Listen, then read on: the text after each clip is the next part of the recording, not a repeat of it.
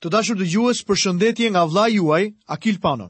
Jam mirënjohës Perëndisë që tani jeni duke u ndodhur pranë radios tuaj për të dëgjuar emisionin tonë.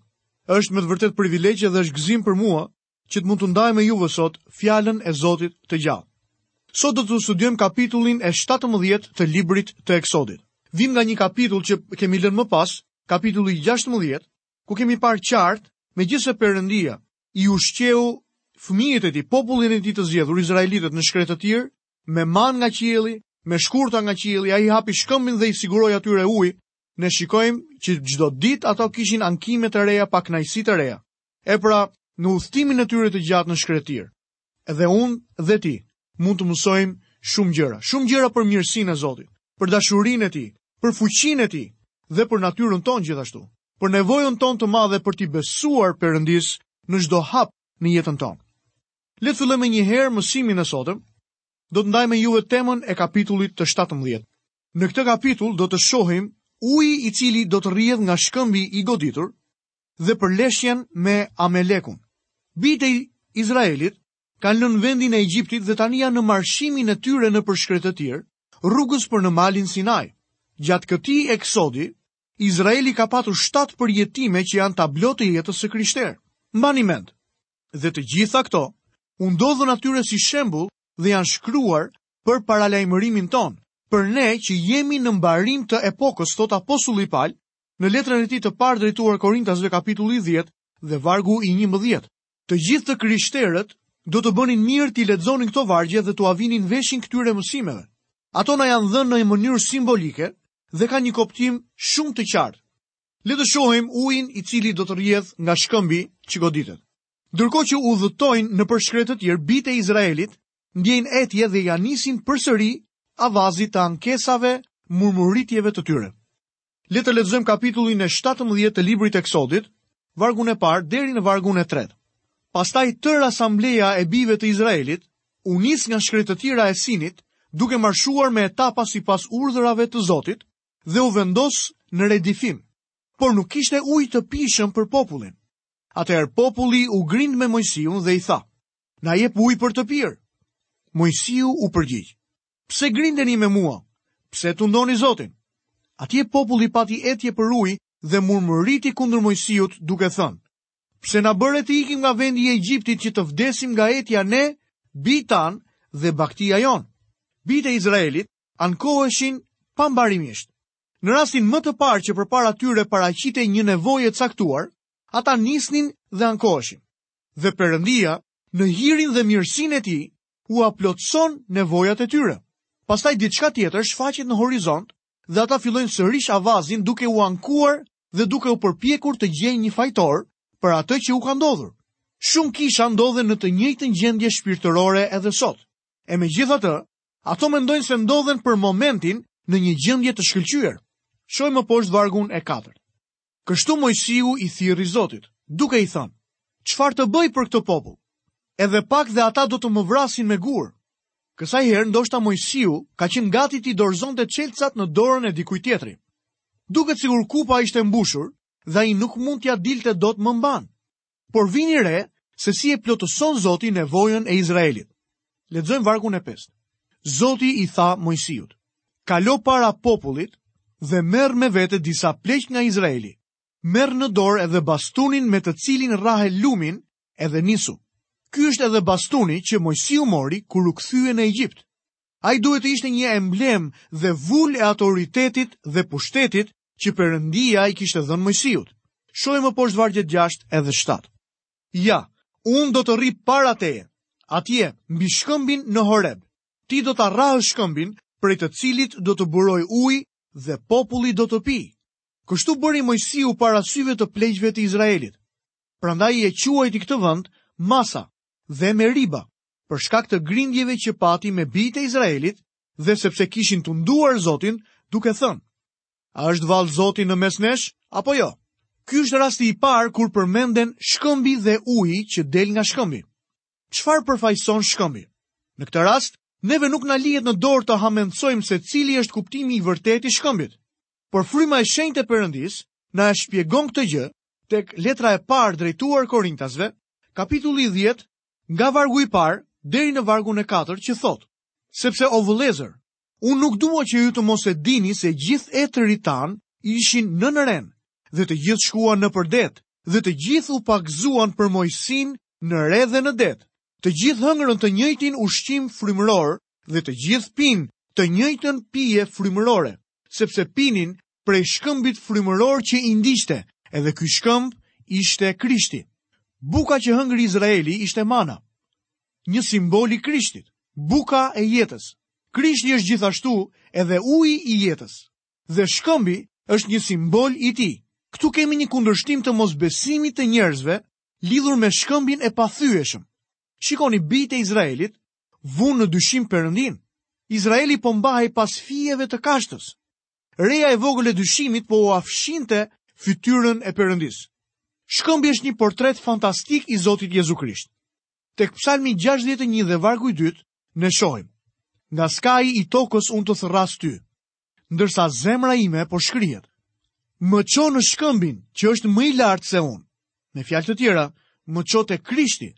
Psalmisti vazhdon tek Psalmi 78 dhe vargu i 35. Kujtoheshin që Perëndia ishte kështjella e tyre dhe që Perëndia shumë i larti ishte shpëtimtari i tyre.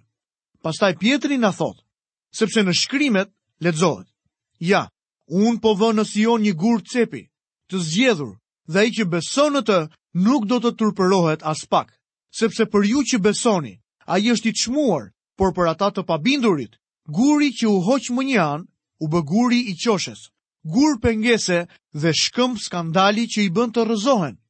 Duke qenë të pabindur, ata pengohen në fjalë dhe për këtë ata ishin të caktuar. Së fundi apostulli Pal na jep këtë këshillë tek letra e parë e Korintasve kapitulli 3 dhe vargu i 11. Sepse askush nuk mund të hedhë themel tjetër përveç atij që është hedhur, i cili është Jezu Krishti. Zoti Jezus, siç e shpreh edhe një këngë, është një shkëmb në shkretëtirë. Megjithëse kjo është një tablo e mrekullueshme e Krishtit, themelit mbi të cilin qëndrojmë dhe mbi të cilin është ndërtuar kisha, shkëmbi është vendi i fundit ku ne do të shohim për ujë. Nuk dua të tregohem ironik, por nga shkëmbi nuk mund të nxjerrësh dot asnjë pikë ujë. Është njësoj si të nxjerrësh gjak nga një rrepë apo lëng portokalli nga një dorezë dere. Shkëmbit mund t'i admirojmë cilësitë e tij, si madhështinë edhe fortësinë e tij, nga ai mund të nxjerrim mësime të shkëlqyera. Mund ta analizosh dhe ta testosh, por nuk mund ta pish. Jezusi është një shkëmb, por jeta e tij e mrekullueshme dhe fortësia e tij mund të të shpëtojnë. Ti mund të biesh mbi shkëmbin, Jezusin, për shpëtimin, por asnjë përpjekje njerëzore nuk është në gjendje të nxjerrë ujë nga ky shkëmb. Vetëm kur ai u godit, shkëmbi nxorri ujë jetëdhënës. Jezusi u kryqëzua dhe vdiq në vendin tënd.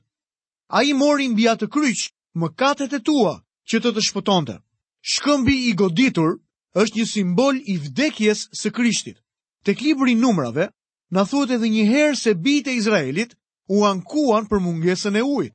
Herën e parë që Izraeli murmuriti se ishin të etur, Perëndia i tha Moisiut të godiste shkëmbin dhe uji shpërtheu me gurgullima. Megjithatë, tek libri i Numrave Perëndia i jep Moisiut udhëzime të tjera. Ai i thotë, Merr bastunin, ti dhe vëllai yt Aron, thërrisni asamblenë dhe para syve të tyre i flisni shkëmbit, dhe ai do të japë ujin e tij. Kështu do të nxjerrësh për ta ujë nga shkëmbi dhe do t'u japësh të pinë njerëzve dhe bagëtisë së tyre. Moisiut i duhej vetëm që t'i fliste shkëmbit, pasi ai ishte goditur. Krishti u kryqëzua 20 shekuj më parë dhe kur tha teksa ishte në kryq, u krye. U krye dhe përfundoi me të vërtetë. Nuk është e nevojshme që Krishti të kryqëzohet përsëri. Perëndia është i kënaqur me atë që Zoti Jezus ka bërë për ju. Pyetja shtrohet: A jeni ju të kënaqur me veprën e Krishtit në kryq? Ai vdiq që t'ju shpëtojë.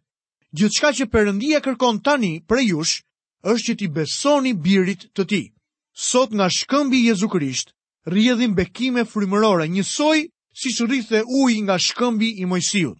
Ujërat e bekimit shpërthejnë nga shkëmbi për të shëruar buzët e thara dhe të plasaritura.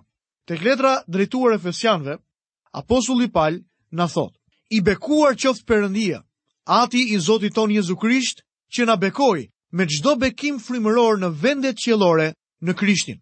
I dashur dëgjues, shkëmbi u godit një herë dhe nga ai rrjedhin ujërat e bollshme.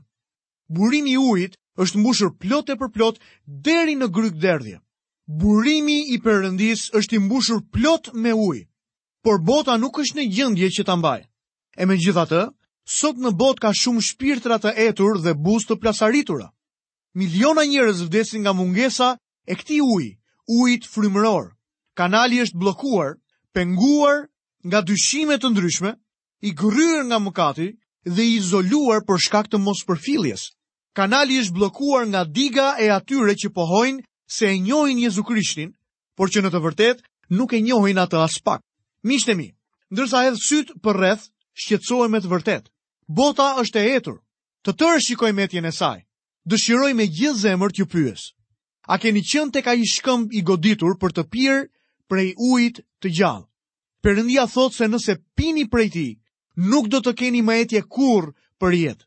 Le të shohim në kapitullin e 17 betejën me Amalekun. Gjatë shtegtimit të tyre nëpër shkretëtirë, Izraelitët hasën Amalekitët që përfaqësojnë mishin në shkrimet. Kjo përvojë është një tjetër mësim që do të bënim mirë ta mësonim. Le të lexojmë vargun e 8.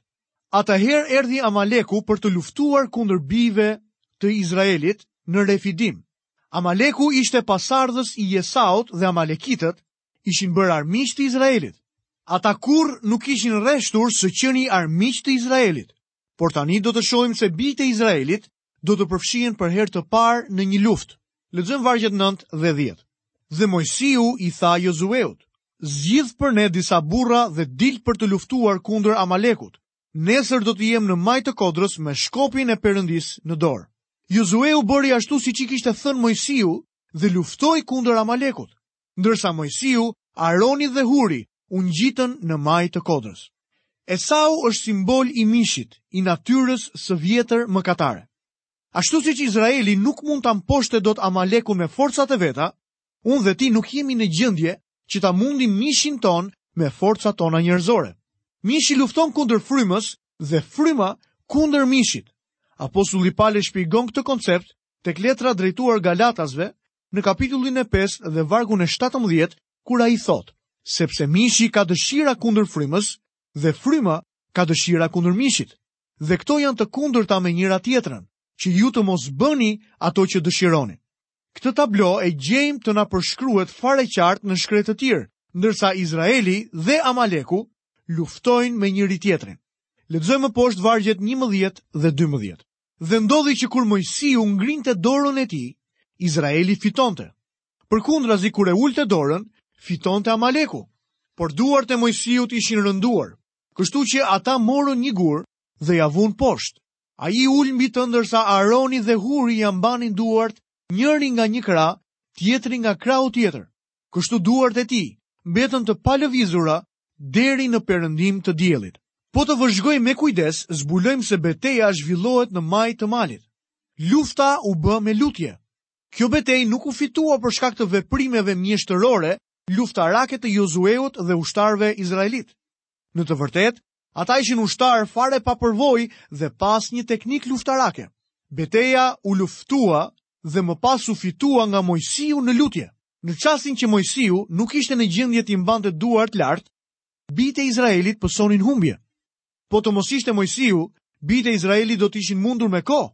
Gjëja më e rëndësishme që duhet të mbajmë mend është se fryma e shenjtë është i vetmi që mund të na sigurojë fitoren mbi mishin. Kur ne veprojmë të pavarur nga fryma, Amaleku apo mishi ynë, quajeni si të doni, fiton me lehtësi. Kur Mojsiu i mbante duart e tij lart, izraelitët korrnin fitore. Në forcat tona kurrë nuk kemi për të fituar kundër mishit. Vetëm fryma e Perëndisë është në gjendje që të na japë fitore.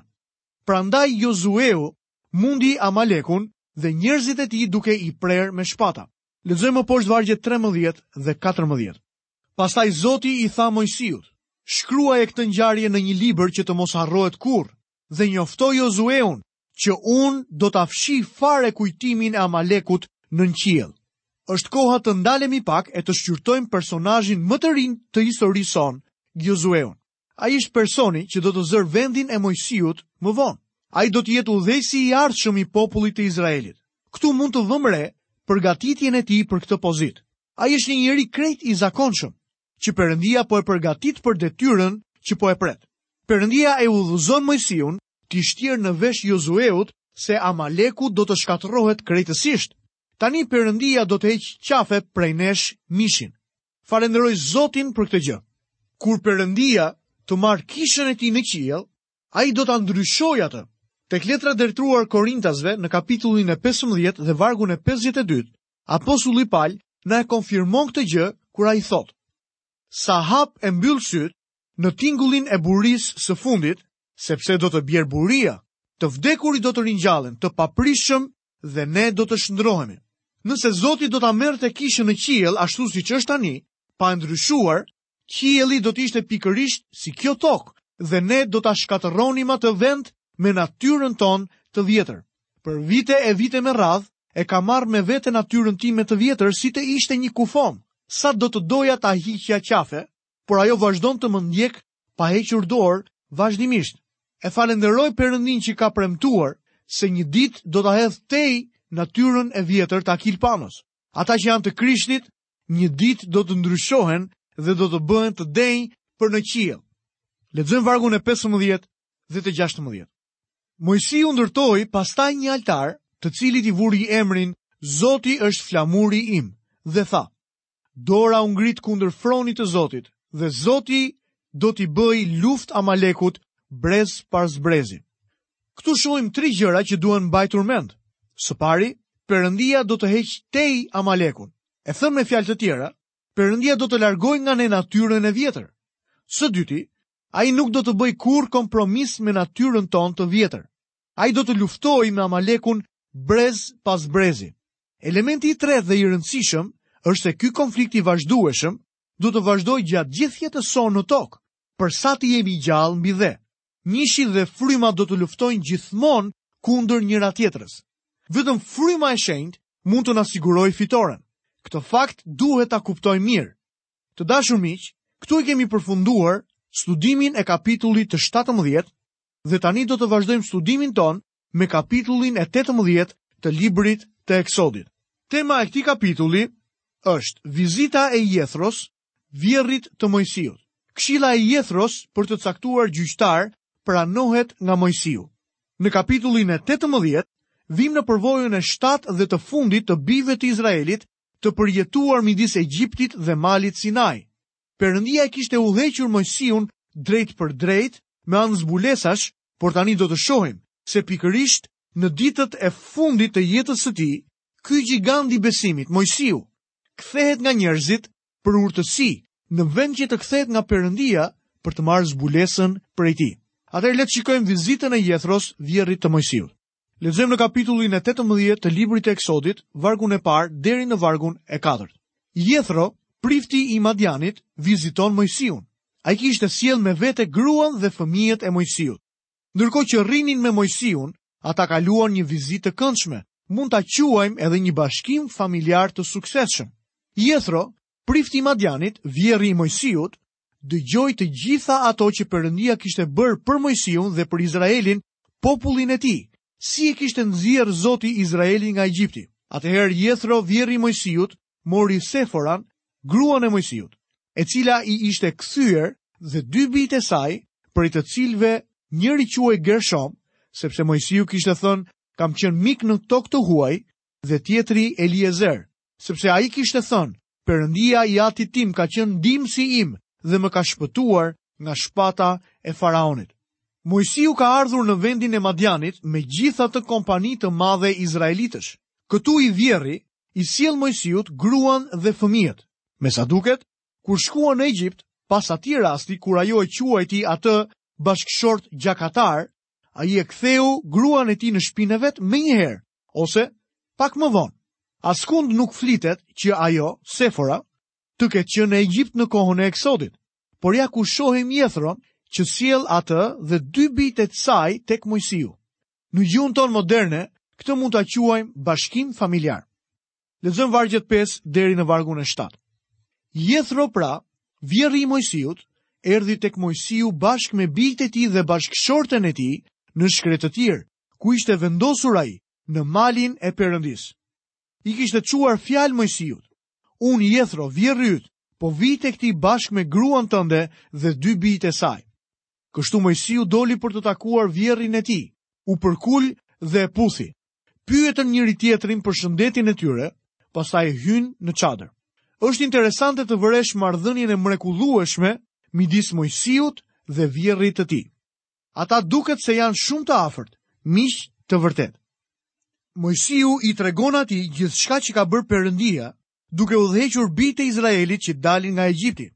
Jethro tregon interes të madh në gjithçka që Moisiu i rrëfen. Në fakt kur Moisiu doli të përshëndeste familjen, na tregohet se ai e puthi të vjerrin, por nuk thuhet gjë që puthi gruan e tij. Ky pasazh nuk thotë as se Moisiu u gëzua shumë për djemtë e tij. E gjithë kjo skenë konfirmon se marrëdhëniet në familjen e Moisiut nuk ishin ashtu siç duhet. Të dashur dëgjues, këtu do ta mbyllim edhe emisionin e sotëm. Nga vëllai juaj Akil Pano, keni të gjitha bekimet e Perëndisë dhe paqen e tij në jetën tuaj. Bashkë mirë u dëgjofshim në emisionin e ardhshëm.